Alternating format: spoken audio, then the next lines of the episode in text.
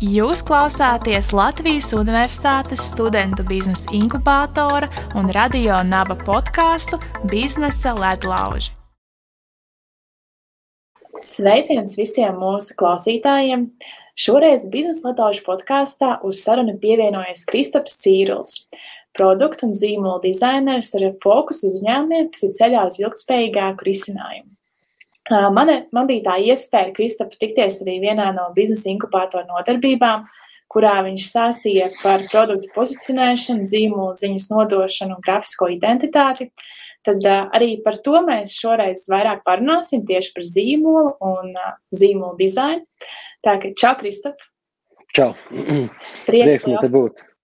Man arī ir prieks tā redzēt, un, ka es pievienojos mūsu podkāstam. Uh, tad uh, es jau mazliet iedevu tādu nelielu ieskatu, ar ko tu nodarbojies, bet uh, varbūt tu varētu vairāk pastāstīt par sevi, ar ko tu šobrīd nodarbojies, un kāda ir tava pieredze tieši ar uh, zīmolu izveidi. Okay. Um, nu jā, nu pēdējie, man liekas, 11 gadi jau uh, man ir uh, radošajā reklāmas un dizaina sfērā. Un, uh, sāku es kā uh, radošais un patiesībā vairāk strādāju kā copywriters. Un tad vienā mirklī es pārslēdzos vairāk uz dizainu, un, uh, un tad uh, tas man kaut kā baigi aizrāva, baigi dziļi ievilkt iekšā. Ņemot vērā arī manas kaut kādas uh, jaunību dienu uh, dizaina gaitas uh, tādā uh, hobija līmenī, tad tas bija tāds punkts, kas man uh, kaut kā atslēdz atpakaļ pie tām saknēm, uh, kuras man jau no bērnības bija ielikts iekšā. Nu, lūk, un, un pastrādājot ar lieliem zīmoliem, tādās aģentūrās kā Makan, uh, kā. Walter Thompsons, Brīgā labi zināms Not Perfects, uh, tad pēdējie seši, nu jau gandrīz seši gadi, mēs izveidojam savu aģentūru, Tas notika pēc J. Walter Thompsona Baltika aģentūras sadales, nosauksim to tā. Tur mums bija vesela epopeja juridiska, kur beigās mēs varbūt neizgājām laukā kā vinnētāji, nosauksim to tā no tāda biznesa viedokļa, bet uh, vismaz uh, mēs izgājām laukā ar, uh, ar spēcīgu komandu. Un, uh, Un, uh, un, un tas mums patiesībā bija pat lielāks iegūms nekā viss tā nauda, ko mēs pazaudējām visā tajā procesā. Un finālā arī, kas bija ļoti labi, bija tas, ka uh, ņemot vērā, ka jebkurā biznesā patiesībā, un tas arī varbūt šodien būs viens no tādiem turakmeņiem, uh, cilvēks ir tas centrs visam patiesībā, un attiecības ir tas centrs visam, un arī jebkuram zīmolam, nevis tu konkurē ar kādu citu kompāniju, kas pēc būtības tīri tehniski notiek, bet tīri pavisam praktiskā līmenī patiesībā tu esi daudz veiksmīgāks zīmols, ja tu nevis konkurē, bet tu fiziski tiešām centies domāt tikai un vienīgi, un viss tavs fokus ir tikai un vienīgi uz attiecībām, uz to cilvēku, ar kuru tu strādā, un tavu konkrēto klientu. Man liekas, labs piemērs ir uh, Apple, Samsungs un viss pārējie milži, milži kuri patiesībā grūž iekšā ļoti daudz iekšā naudas reklāmās un, un mārketingā. Tāpat laikā Apple to dara 30% no visā budžeta, ko viņi gāž iekšā pārējie. Un vinnē viņa patiesībā tikai tāpēc, ka viņi tiešām fiziski fokusējās uz patērētāju. Es kā lietotājs novērtēju milzu un daudz pūles, ko viņi ielikuši manī iekšā, vai precīzāk spējuši saprast, ko es gribu, kas man šķiet svarīgi, un finālā beig beigās arī nonāk uh, pie tādas uh, uh, produkta un zīmola kopas, uh, kas uh, man tiešām šķiet, ka uh, es nespētu samainīt. Un tās reizes, kad es apsēdies, nezinu, pie pīša vai pie mm, Samsunga, man tiešām liekas, kā, kā. Bet uh, atgriežoties pie tā, tā pamata jautājuma, nu jā, un pēdējie seši gadi patiesībā ir uh, mēs izveidojām aģentūru, kur vairāk vai mazāk fokusējās uz Baltkrievijas, Baltijas tirgu un Indiju. Indija mums atvērās dēļ tā, ka mums viens no Lietuvas klientiem principā tika pārdots uz turieni. Un tad, attiecīgi, no tā brīža mēs tā kā salipuši kopā bijām un tikām iekšā tajā tirgu. Un tas bija tāds, tā bija tāda, vēl joprojām tā, tāda ļoti interesanta pieredze, kurā tu tiešām patiesībā arī mums, kā tiem, kuri ļoti daudz gadus strādā tajā un visus ļoti labi saprot, kā, ir uh, mācības tādas tā kā no nulles. Jo tu sāc, jo tu sāc apgūt patiesībā tās lietas, uh, kas ir pamats jebkuram labam dizainam. Un jebkuram labam dizainam ir pamats saprast, kas ir tavs gala patērētājs. Un tad, kad tu nonāc tādā pilnīgi jaunā kultūrā, kuru tu sākumā varbūt no malas esi redzējis kā turists, tu vienreiz esi aizbraucis vai pāris reizes aizbraucis, tur nezinu, divus, trīs mēnešus padzīvojis uh, skaistā vietā un pameditējis, bet tad, kad tu nonāc tur uz vietas un uz ielas, un tagad tu tur padzīvo tiešām nevis kā turists, bet kā uh, cilvēks, kurš cenšas saprast, kādā veidā tie cilvēki pērk kaut ko, kādā veidā viņi pieņem lēmumus, tad tu sāc saprast to, ka tev tā kā no nulles viss jāsāk mācīties. Kādā, un, un, nu jā, un tad pēdējie četri, pieci gadi, kas patiesībā ir gājis visu laiku mums līdzi, man personīgi, bet pēdējie četri, pieci gadi ir tādi, kuros es ļoti, ļoti daudz esmu iedziļinājies iekšā zinātnes bāzētos projektos, vai precīzāk, startupos, jaunu uzņēmumos, ja mēs runājam latviešu. Uh, un, uh, un, uh, un tieši no tā viedokļa, kas ir saistīti ar ilgspēju, ar, ar klimatu pārmaiņām, un lai cik tas izklausītos, varbūt pārāk. Modernu nosauksim, visi tagad runā par to. Tad, uh, un četrus gadus atpakaļ, uh, vai piecus gadus atpakaļ, tas patiesībā nevienam neinteresēja, vai bija salīdzinoši maza grupa cilvēku, kam tas interesē. Tad uh, šobrīd, protams, viss palicis daudz aktīvāks, bet šo četru gadu laikā um, es pievērsos tam dēļ tā, ka uh, viena no manām tādām lielākajām kaislībām ir iepakojums un iepakojuma dizains. Un man šķiet, ka uh, tā ir vienreizē, tas ir vienreizējs rīks jebkuram zīmolam, kādā veidā tu tiešām vari radīt interesi par sevi plauktā, kādā veidā tu vari veidot, paplašināt savu zīmolu stāstu. Un finālā arī attiecīgi arī būt savādākam, ja tu salīdzini ar saviem konkurentiem. Un, nu jā, un šis te ilgspējas jautājums, tas bija man tāds, kā pateikt, kā tāda lieta, kā atdot atpakaļ. Uh, atdot atpakaļ, un arī šie zinātnes projekti, kā atdot atpakaļ uh, Uh, visu to, ko es esmu čakarējis gadus desmitus strādājot uz lielām korporācijām, kuru galvenais mērķis un vadmatības ir vienkārši maksimāli palielināt pārdošanas rādītājus. Un, un tas bija tāds lūzuma punkts, kurā tad attiecīgi arī aģentūra sāka formēties savādāk nedaudz. Mēs patiesībā arī sadalījāmies vienā mirklī divās aģentūrās, kur viena daļa palika pie tāda klasiska, pie tādas klasiskas radošās aģentūras, Mūsu daļa vairāk pievērsās dizainam un ilgspējīgam dizainam. Un, nu jā, un pēdējie gadi ir ļoti pastiprināti tajā iekšā.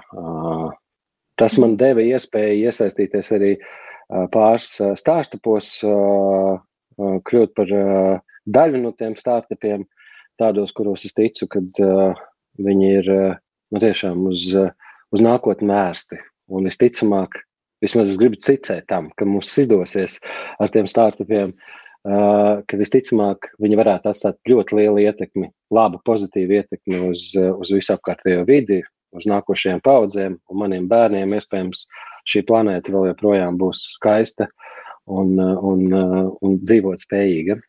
Nu tā, tas varbūt bija garš ievads par mani, bet nu, tāpēc, tāpēc arī iespējams uh, bieži, kad es runāju par zīmoliem, manuprāt, mūsdienās viena lieta, kas jau vairs nav atraujama, ir jebkuram zīmolam spēj saprast, kas ir tas, ko es kā zīmols daru vides labā, ko es daru savu cilvēku labā.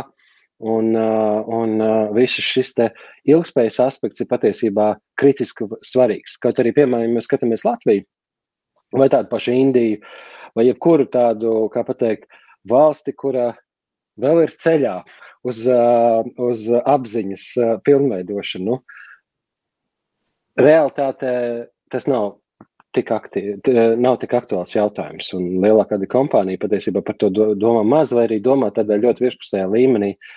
Un tas virspusējais līmenis ir patiesībā, nu, kā mēs tagad to varam reklāmā labi izmantot, tāpēc, ka tas beigas trendīgais topiks. Vai kā mēs tagad zīmolā un iepakojumā izmantosim to, kad mēs tur ieliksim kādu zaļu lapiņu iekšā, kaut arī mēs neesam zaļi, bet mēs tur ieliksim zaļu lapiņu iekšā, lai tas teorētiski zemapziņā cilvēku sāk programmēt uz to, ka es esmu tā kā mēs, kā zīmols, esam nedaudz labāk nekā vispārējie. Un, uh, kas man patīk šajā kontekstā, kā uh, opozīcija visam tam šobrīd, vismaz uh, redzot, kas notiek Eiropas līmenī, un arī man liekas, ka izcilu darbu dara, piemēram, Lielbritānijā valdība, ir ievieš jaunas regulas un jaunas likumus, kas tev aizliedz. Aizliedz fiziski izmantot gan uh, iepakojumā lietas, kas kaut kādā mērā asociējās. Gan arī, piemēram, aizliedz, nu jau arī mājaslapās un komunikācijā. Tu nedrīkst neko teikt par to, ka tu esi dabas radīts, ja tu nespēj to pierādīt. Jebkura lieta, ko tu saki, tev jāpierāda. Eiropa arī šobrīd iet uz to, tā kā drīz mēs būsim tur. Kas man patīk, lokālā līmenī, man liekas, ka PVD dara vienreizēju darbu, vismaz Latvijas vienīgā lieta, kas dara, vienīgā, manuprāt, valsts institūcija, kas dara labu savu darbu, ir PVD. Un ieviešot visas šīs te, uh, lietas, kuras tu nedrīkst minēt, piemēram, eko vai bio, tev tas viss ir jāspēj pierādīt. Un tas, manuprāt, ir dramatiski svarīgi, tāpēc ka tas palīdz nemaldināt un, un, un izbēgt no zaļmaldināšanas apzinātas vai arī neapzinātas. Jo ļoti bieži kompānijas arī neapzināti izdara kaut ko tādu, kas beig beigās ir tāda nu, klāja, klāja maldināšana patērētāja. Nu, lūk. mm -hmm. Jā, ļoti interesanti. Es zinu, ka uh, tu darbojies arī ar šiem ilgspējas jaunu uzņēmējiem. Es domāju, par to es arī ļoti labprāt ar tevi aprunātos, bet tad mēs varētu citā, citā jā. sarunā, jā, jo tas arī ir ļoti, man liekas, aktuāls temats, kā tu pats arī saki, šobrīd visi par to runā. Un tas tiešām jā. ir interesanti. Bet uh, runājot tieši par zīmolu, pirms mēs ejam tālāk par pašu zīmolu un zīmolu dizainu, varbūt tu vari definēt, kas tad īsti ir zīmols. Jā, manuprāt, zīmols ir apzināts vai neapzināts kods apkārt jebkurai lietai, produktam, mums pašiem, jebkuram patiesībā. Kas, kāpēc es teicu apzināts vai neapzināts? Tāpēc, ka ja tu tiešām veido zīmolu kā zīmolu, un tu par to domā, un tu saproti, kas ir tas galvenais patērētājs, vai kam tu īsti sevi gribi parādīt tādā vai citādā veidā, uh, Ja tu par to apzināti nedari, tad skaidrs, ka viss, kas notiek neapzinātā līmenī, šķiet no malas, ka nav zīmols, bet patiesībā tas tāpat ir zīmols. Tāpat tā ir tā kaut kāda tīri tādā personīgā cilvēka līmenī, tā ir reputācija, tā, tā ir vēl kaudze dažādām lietām, bet tā vienkārši, vienkāršā tādā uh, līmenī cenšoties izskaidrot, kas ir zīmols. Zīmols ir tas, kā, kā, kādā veidā mūsu cilvēku uztver. Kādā veidā tevi uztver kāds. Un tas sevi ietver gan to, kā tu izskaties, tātad gan uzņēmumu gadījumā tas var būt uh, logotips uh, pats par sevi. Tas tāds visprimitīvākais uh, punkts no visa zīmola mākoņa. Uh, gan kā tā iepakojuma izskatās, gan kā tu runā ar saviem patērētājiem un klientiem, gan arī, piemēram, kādas veida aktivitātes tu veic iekšēnē savā kompānijā. Jo tas viss, šīs visas vērtības, tas patiesībā viss ir daļa no tava zīmola. Mm -hmm. nu, lūk, un arī personīgā līmenī es teiktu, ka tieši šis pats ir. Mm -hmm. Un, ja mēs paturpinām šo tēmu par zīmolu un zīmolu izveidi, uh, bieži tiek runāts uh, ar jaunu uzņēmējiem, kuri tieši šajā agrīnajā stadijā, restīvi, kas izstrādā šo minimālo produktu, lai saprastu, vai vispār produkts ir nepieciešams. Viņiem tiek teikts, ka fokusējieties vairāk uz pārdošanu neieguldiet resursus, varbūt šajā brīdī dizainā. Kā tu uz to skaties? Kāds tavs viedoklis? Jā. Es teiktu, ja mēs skatītos piecus vai desmit gadus atpakaļ, es piekristu. Es teiktu, jā, ej un dari, un tas svarīgākais moments ir saprast, vai, te, vai tu vari notirgot, vai tur ir pieprasījuma vai nav pieprasījuma. Man liekas, mūsdienās tas tā vairāk nestrādā. Jo emocionālāk mēs paliekam, un mēs paliekam emocionālāk nosacīti, jo vairāk mēs sākam tādā sajūtu līmenī pieņemt lēmumus. Un, un sajūtu līmenī tu pieņem lēmumus tikai tad, ja tev ir kaut kāda lieta pretī, ar kur tu vari rezonēt. Un tā ir patiesībā pats svarīgākā lieta, jebkura zīmola pamatā. Tev, kā startupam, man šķiet, skaidrs, ka ir kaut kādas atsevišķas kategorijas, kur tas nav nepieciešams. Nu, ka tu vari validēt, tev ir jāvalidē, piemēram, ļoti bieži tā ir ar zinātnes balstītiem uzņēmumiem. Tev ir jāvalidē, vai tava konkrētā inovācija fiziski vispār strādā vai kā ir spējīga risināt X problēmu un, un kādā veidā viņi to spēj izdarīt. Tāpat laikā, mirklī, kad tu nonāc pie uh, punkta, ka tev jāsāk uh, celt investīcijas, un tev vajag naudu tam, lai tu varētu vispār nodemonstrēt to, ka tas strādā, un tu izēji no ārā no laboratorijas, tad, manuprāt, tas ir tas mirklis, kurā tu nespēji vairs uh, iztikt bez uh, zīmola. Kaut arī ļoti primitīva, jo tu arī tajā mirklī tirgo, bet tirgo nevis tādā ziņā, ka tu pārdo un pārdo, bet ka tu stāsti stāstu kaut kādu. Gan ap sevi, gan par sevi, gan arī uh, tu no malas uh, vai nu liecies kādam simpātisks un uzrunā, arī investoru, vai arī tu neuzrunā. Mm -hmm. Tādēļ mans, uh, mans viedoklis, kas varbūt uh, um, nav līdz galam uh, šobrīd vēl joprojām ļoti bieži populārs, uh, ir tas, ka uh, tev ir svarīgi domāt jau pašā sākumā par to. Un arī MVP gadījumā, it sevišķi, ja tu esi kaut kāds uh, uh, tieši, uh, tieši uz patērētāju vērsts uh, produkts, uh, tad, manuprāt, tas paliek ar vien kritiskāk un kritiskāk. Tāpēc, ka mēs izvēles vairs neveicam tikai un vienīgi ļoti praktiski un pragmatiski. Mēs ļoti bieži izvēles veicam emocionāli. Un, ja tev nav nekādas rezonances emocionāls, ko patiesībā zīmols arī rada, tad uh, tu visticamāk ļoti bieži to izvēli neve, neveiksi. Un, ja tu neveic šo izvēli, tad, piemēram, tavs MVP neparāda īsto situāciju. Viņš neparāda, vai tavs konkrētais uh, produkts uh, būs interesants kādam vai nē. Ir, protams, kategorijas, uh, kuras uh, ir, tu vari arī notestēt ļoti primitīvi un vienkārši, bez jebkādiem zīmoliem un tā tālāk. Bet nu, es teiktu, 70% gadījumu tev jebkurā gadījumā kaut kas ir vajadzīgs, kaut vai ļoti primitīvā un ļoti vienkāršotā veidā, mm. kas spētu rezonēt kaut vai nedaudz ar to, ko tu uzrunā. Un te ir tas atslēgas vārds, tava auditorija, un vai tu viņu spēj saprast vai ne, nespēj, un veids, kādā tu uzrunā viņu. Mm -hmm. pirms šīs sarunas, kad mēs sazinājāmies, tu man minēji ļoti interesantus divus piemērus lieliem uzņēmējiem, kuri uh, gāja šo ierasto ceļu, uh, kas veidoja pašu dizainu. Varbūt var pastāstīt uh, par šiem piemēriem, pastāstīt mazliet vairāk par tiem. Jā, uh, nu, viens man liekas visiem labi zināms piemērs ir, uh, ir Bolts uh, vai uh, agrāk savā laikā saucās Taxify. Un, manuprāt, uh, no vienas puses skaidrs, ka uh, tu vari paļauties uz veiksmi, un, un tavā labā var nospēlēt daudz ārēji apstākļi. Gan tirgus ir uh, gatavs, gan, uh, gan uh, cilvēki pietiekami labi pārzina telefonus, mobīlos un sāk lietot daudz dažādos veidos, ne tikai zvanīt vai Instagramā sēdēt. Un, kad sakrīt šie apstākļi, tad ir uh, forši, jo tu arī vari uh, patiesībā uh, kā tāda takša firma augt. Un, un tas trends tev palīdz to augšanu pātrināt.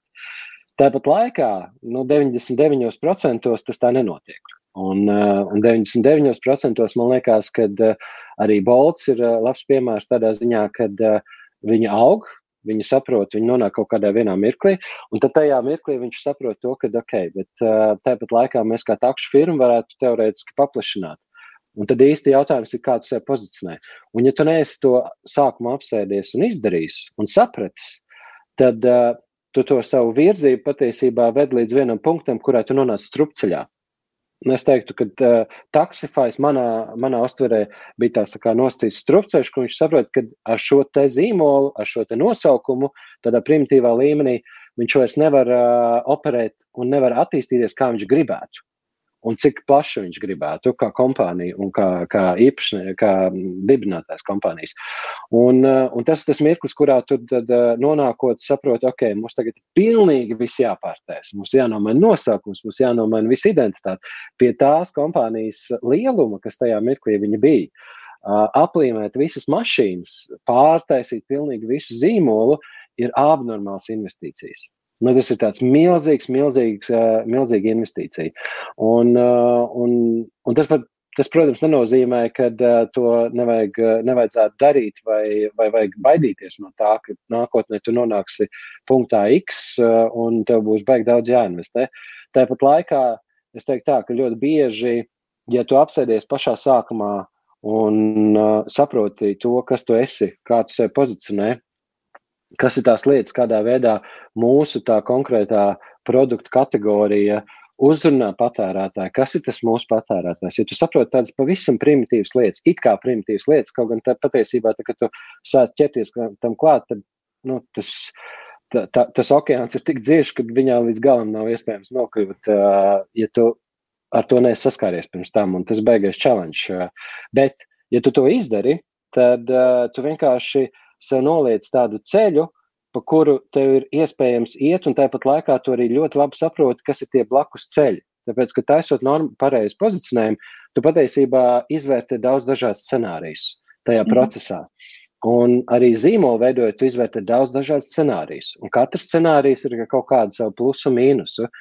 Un izējot ārā no, izējot ārā no tā, kas ir tas tavs mērķis tuvāko piecu gadu laikā, kā startupam, Bet attiecīgi var izvēlēties labāko risinājumu. Lūk, un, uh, jā, un kāds bija otrais? Es neatceros, kāds bija otrais piemērs. Ubers. Ah, Ubers, jā, pareizi. Ubers, man liekas, tieši tas pats piemērs. Abas šīs kompānijas uh, identiski. Uber gadījumā tur viņiem vienīgais, man liekas, uh, labs piemērs tādā ziņā, ka uh, viņi vairākas reizes centās uh, rebrandot sevi, un viņiem neizdevās. Un, Un, un tā ir tā problēma, ka tu ne līdz galam izproti vai saproti savu auditoriju. Vai arī neiedziļinies līdz galam. Un, uh, un neveic tādu skaidru auditu par to, kas tad īsti ir tas, kas mūs interesē, ko mēs gribētu un kā tas viss varētu strādāt.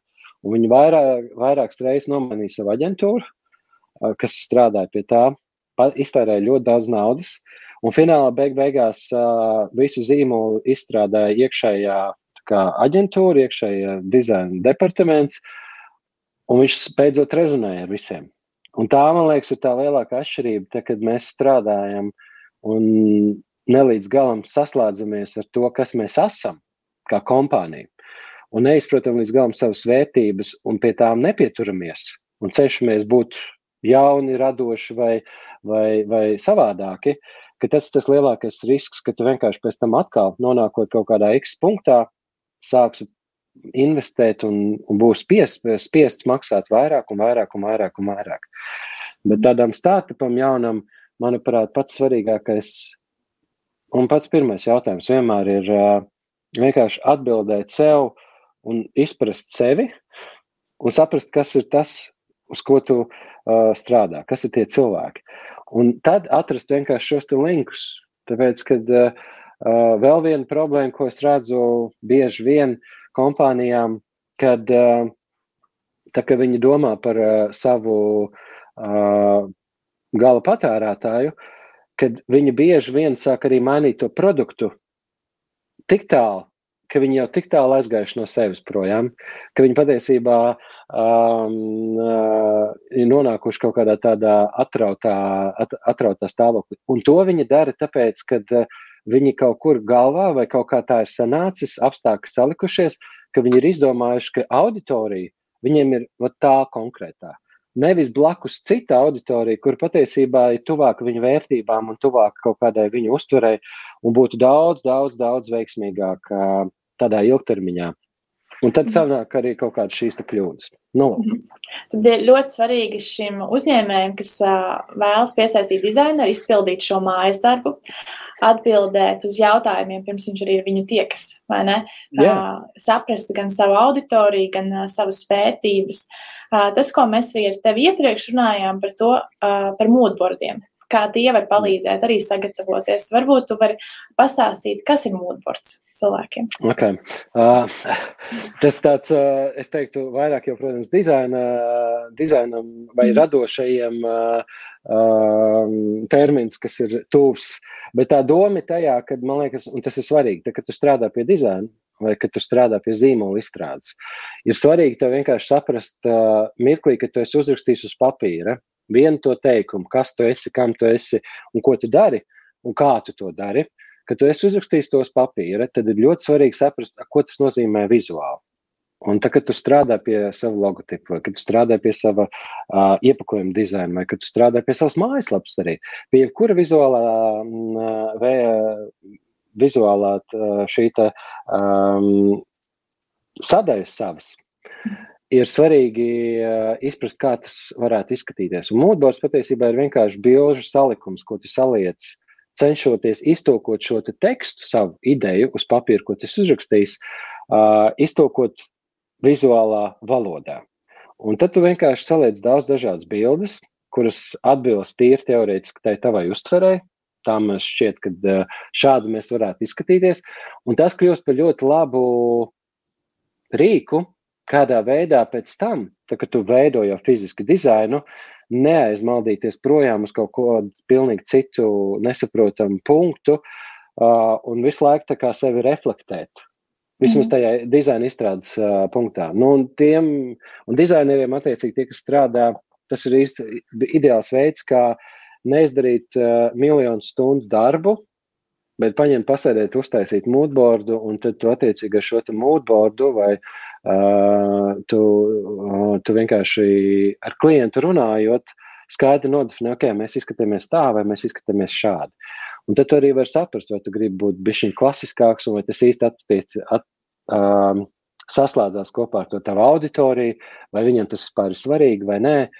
Tāpat arī, ja skatās uz kaut kādiem pētījumiem, kas ir auditorijas pētījumi un, un segmentācijas pētījumi, uh, viņos parasti ļoti bieži tiek izmantots arī šādi moodboard bildes salikums, kas vienkārši dod tev sapratni, kas ir tas cilvēka, mm, kas ir tie aspekti, kas viņu aizķer, kas ar viņu rezonē. Un tas palīdz tādā praktiskā darbā, kad tu veido zīmolu, palīdz praktiskā darbā uh, neaizmaldīties pārāk tālu. Mm -hmm. tas, tas arī ir mans novērojums, ka tad, kad es veidoju, tad esmu sapratusi, ka tas palīdz uh, noturēt fokusu un Jā. nemētāties uh, vi uz vienu dizainu, uz otru, un tas tiešām kaut kā sastruktūrizē tās domas. Jā. Uh, varbūt tu vari padalīties ar kādiem resursiem, platformām, kur uh, šie uzņēmēji varētu smelties iedvesmu vai radīt šo savu zīmolu mūtbordu.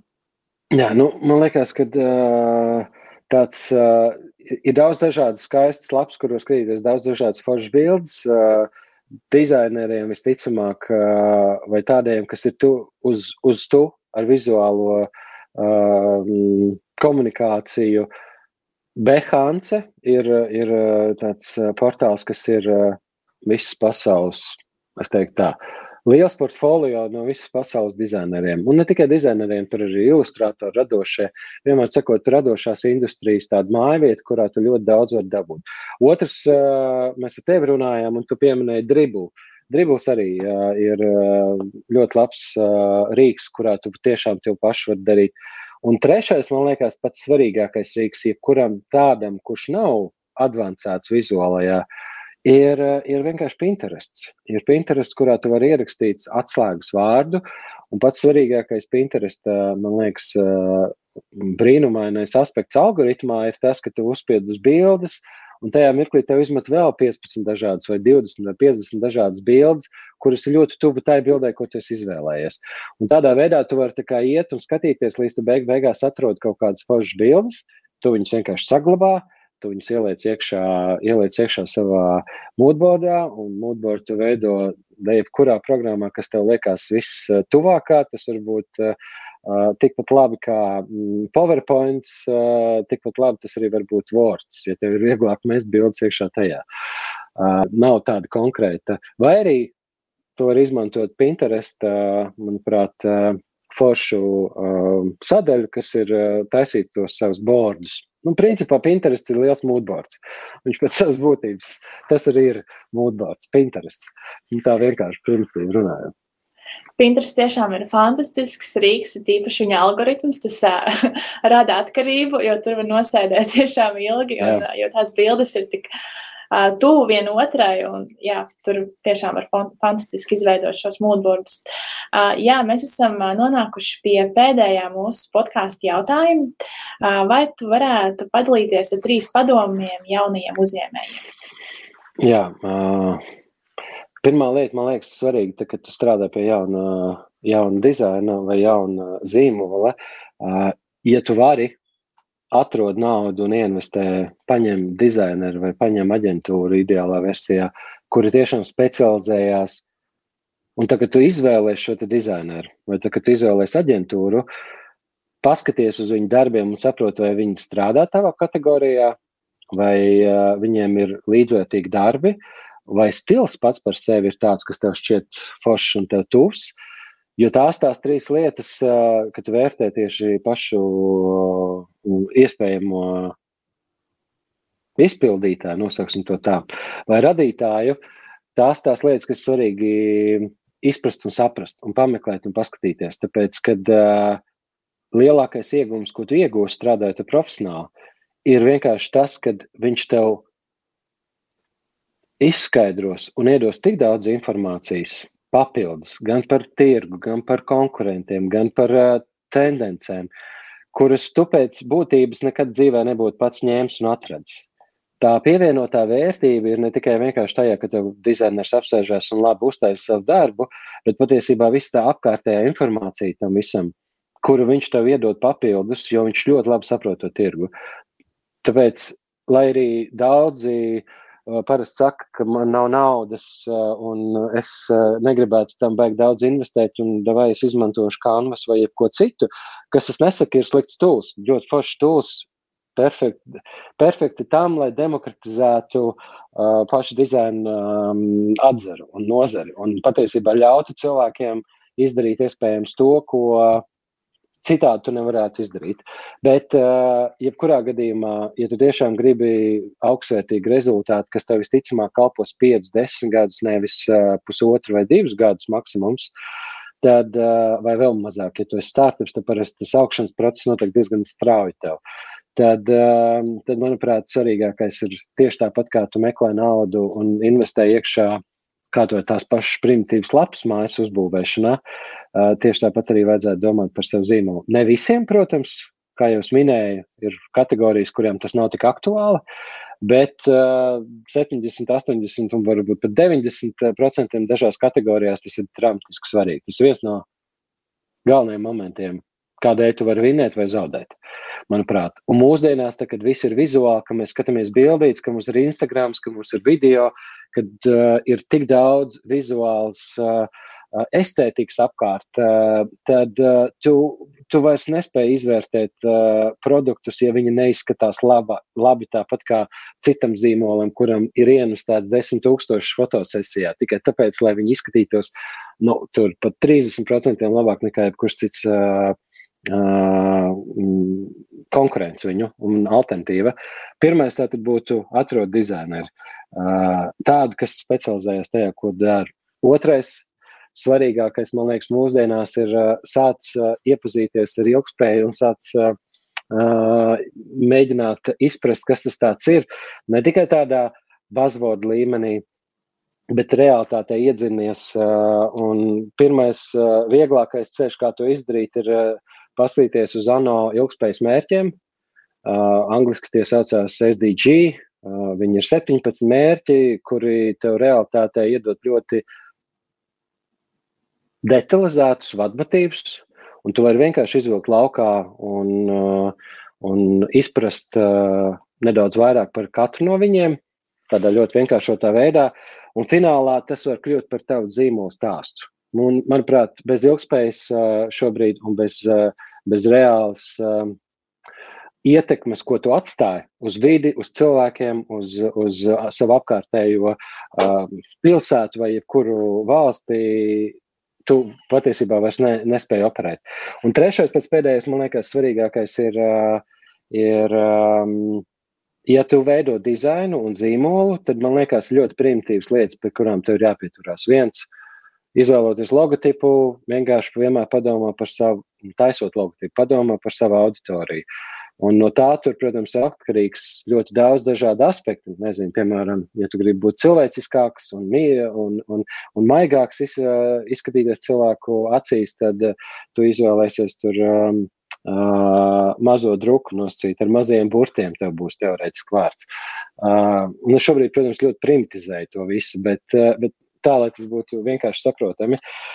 Vai arī uh, tieši pretēji, ja tu gribi būt skaļš un, uh, un kliedzošs, tad tu visticamāk izvēlēsies uh, visus uh, uh, lielos burtus un uh, papildus visādas uh, lietas.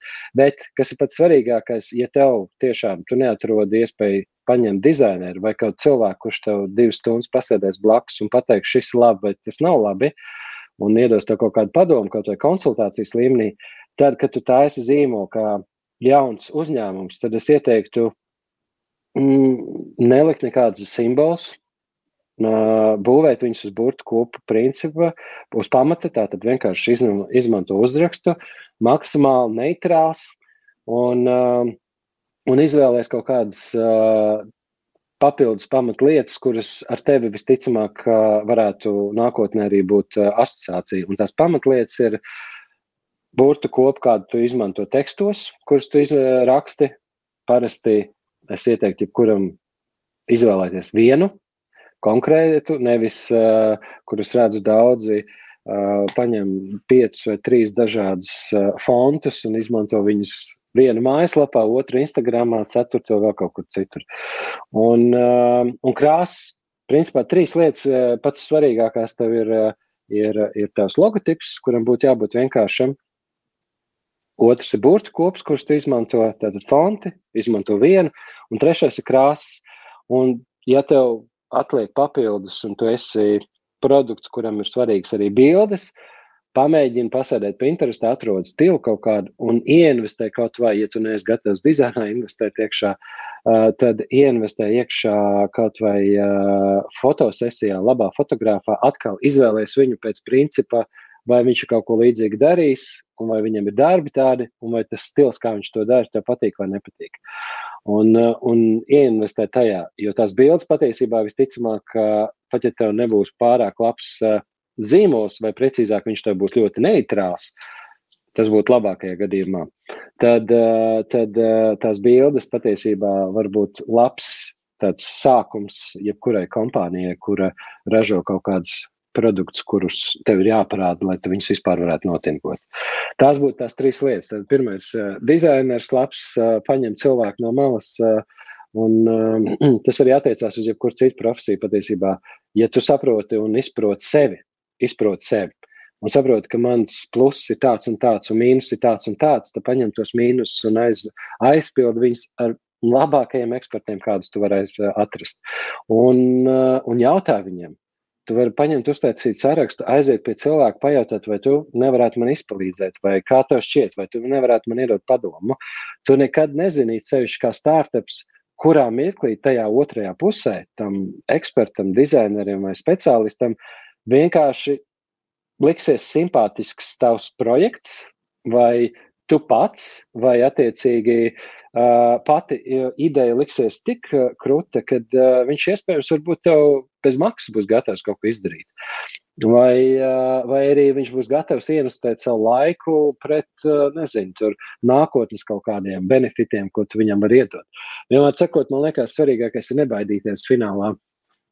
Un, uh, un vienmēr jautāt, vienmēr jautāt, uh, Un it sevišķi mums, kā latviešiem, manuprāt, ir svarīgi maksimāli atkritīties no tās savas uh, uh, rakstura īpašības, kas ir būt, būt tādiem, viens ir introverti, Kūtri. Protams, ne visi. Jā, kūtri, jā, tieši tā, kūtri un klusi, un, un mēs labāk paklusēsim, nevis pajautāsim. Manuprāt, ja tu pajautāsi, tu nekad neko nezaudēsi, un varbūt pat desmit to pateiks nē, bet ko tu zini, varbūt 11. tev pateiks jā. Un, uh, un tad no tā viedokļa, man liekas, tu vari tiešām izveidot uh, perfektu zīmolu.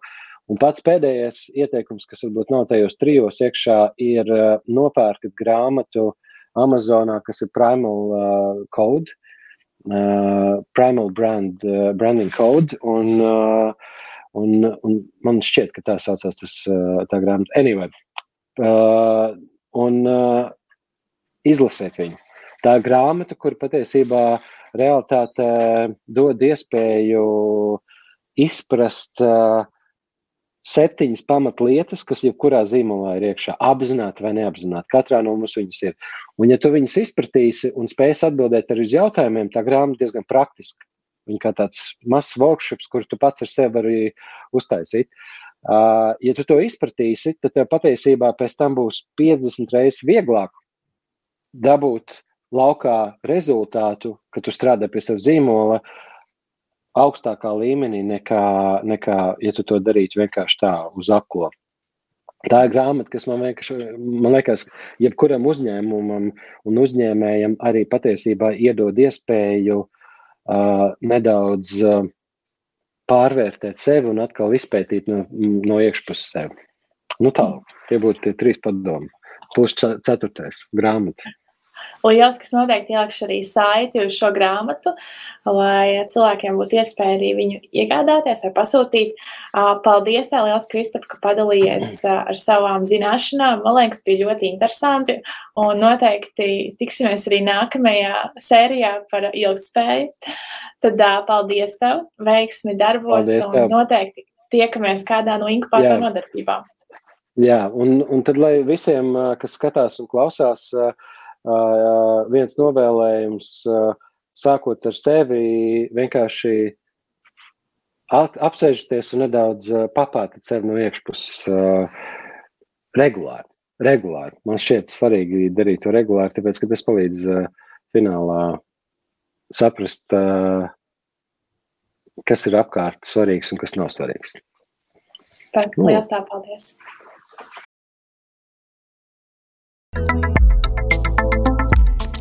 Jūs klausāties Latvijas Universitātes studentu biznesa inkubātora un radio naba podkāstu Biznesa ledlauži.